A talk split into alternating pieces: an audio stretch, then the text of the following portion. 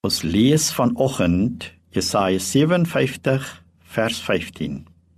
So sê die hoë verhewe een wat vir altyd bestaan, wie se naam die heilige is. Ek woon in hoë heilige plek, maar ook saam met hom wat berouvol en nederig is. Ek gee nuwe krag aan die wat nederig is en ek gee nuwe moed aan die wat verdruk is en nuwe krag aan die wat berouvol is.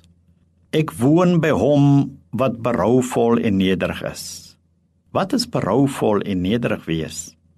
Eerlike erkenning en spyt oor die toestand van myself, oor die dade wat ek daagliks pleeg en lewenswyse wat ek openbaar wat tot ander en my eie nadeel lei.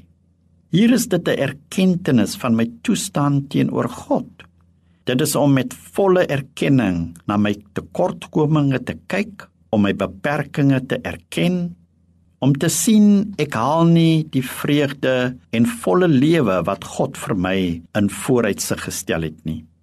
God sê hy wandel by hulle wat eerlik en met volle besef van hulle tekortkominge leef. Dit bedoel 'n volle besef hoe afhanklik ons werklik van God is. Dit is nie dat ek nou platgeslaan is en nie meer weet wat verder met my gebeur nie. Nee, dit is 'n besef dat van hier af kan ek nie verder nie. Ek het aan die einde gekom van my eie menslike vermoë. Wat ek verder sien is die vernietiging van myself.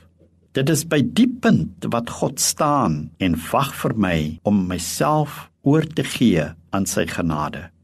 Dan sal hy by jou kom staan jou hande neem en jou verder lei. Hy neem dan jou broosheid en versterk jou innerlike mens en gee jou sy vrede. Hy neem al die mislukkings en pak dit weg en hy leer jou om weer oor te begin. Hy bied jou 'n nuwe kans op vrede, geluk en vrede. Hy gee nuwe moed vir al as jy platgedruk word. Hy verwaar jou nie van alle ongelukke en pyn nie. Dit is nie wat hy beloof nie. Sy belofte is: Ek gee nuwe krag aan die nederige. Dat te midde van die gebrokenheid en verslaandheid sal ek jou vashou en dra. Aan hom wat erken, ek kan nie alles self hanteer nie.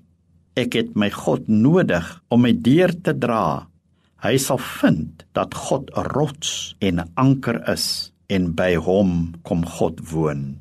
Amen.